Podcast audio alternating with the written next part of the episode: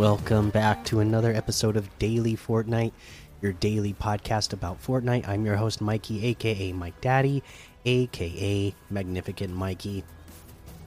Uh, we don't have any teasers or anything, it looks like, yet for the upcoming season. We're just a few days away, so hopefully they're going to start putting out some teasers uh, officially uh, here soon.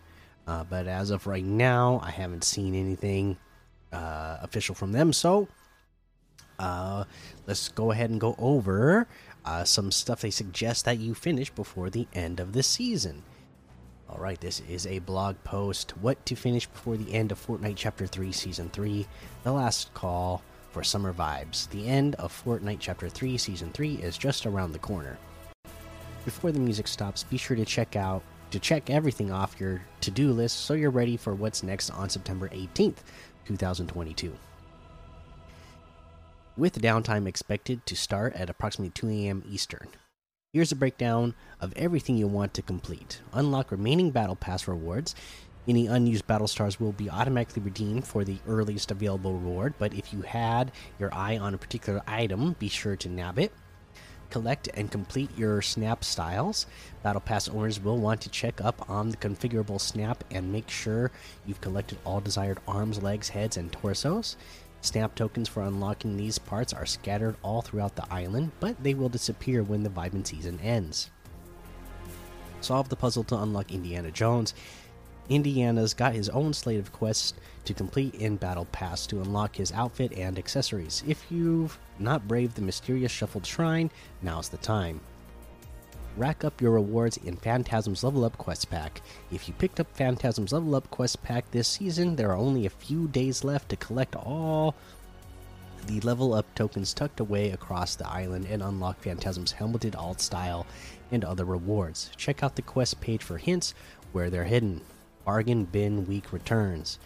Bargain Bin Week returns to the island. Exotic items are and exotic item trades and character services are deeply discounted for the remainder of Chapter 3 Season 3 before your bar stash is reset next season. Shed your bars and complete special quests in the process for last minute XP. If you wanted to make if you wanted to take something shiny for a spin or hire a character in your pursuit of one last five in Victory Royale, this is the perfect time.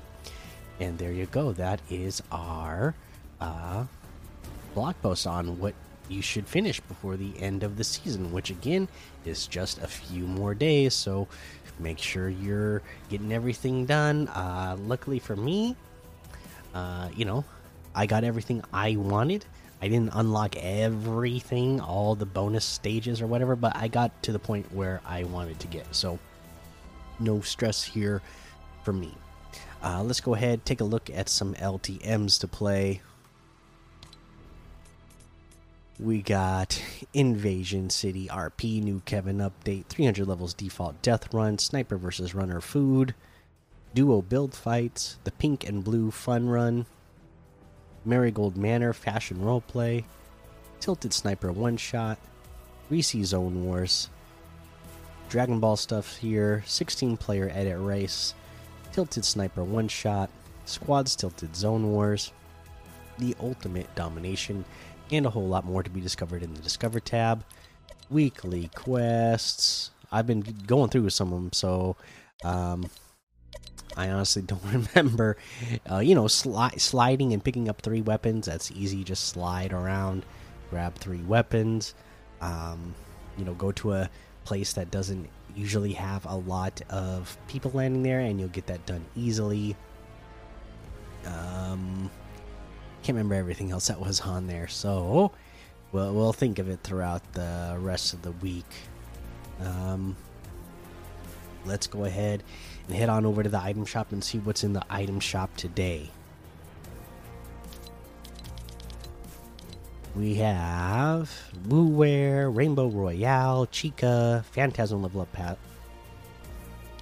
Phantasm's level up quest pack still here. The Dreamer outfit for 1,200, the Par Patroller outfit for 800, the Grit outfit for 800, the Windmill Floss emote for 500, the Squat Kick emote for 800, Don't Start Now emote for 500, SOS Wrap for 300, We got the Zone Wars bundle, which has the Danger Zone outfit, Hot Zone outfit, and Star Crest Flux back bling for 1,600.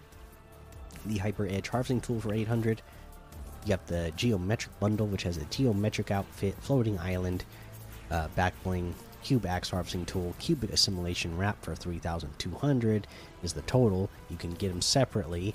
Uh, there's a discount with the bundle. If you get them separately, the Geometric outfit with the floating island backlinks 1500 Cube Axe harvesting tool is 1200 cubic cubic assimilation is 500 uh, yeah i don't remember what the discount is for this one the geometric bundle i already own it so it doesn't tell me what the discount off is we do have the twin echo bundle which has the echo outfit true reflection back bling inversion blades harvesting tool echo jet glider and the echoes wrap all for 1900 that's 900 off the total the Echo outfit with the True Reflection back bling is 1,200. The Inversion Blades harvesting tool is 500. The Echo Jet Glider is 800.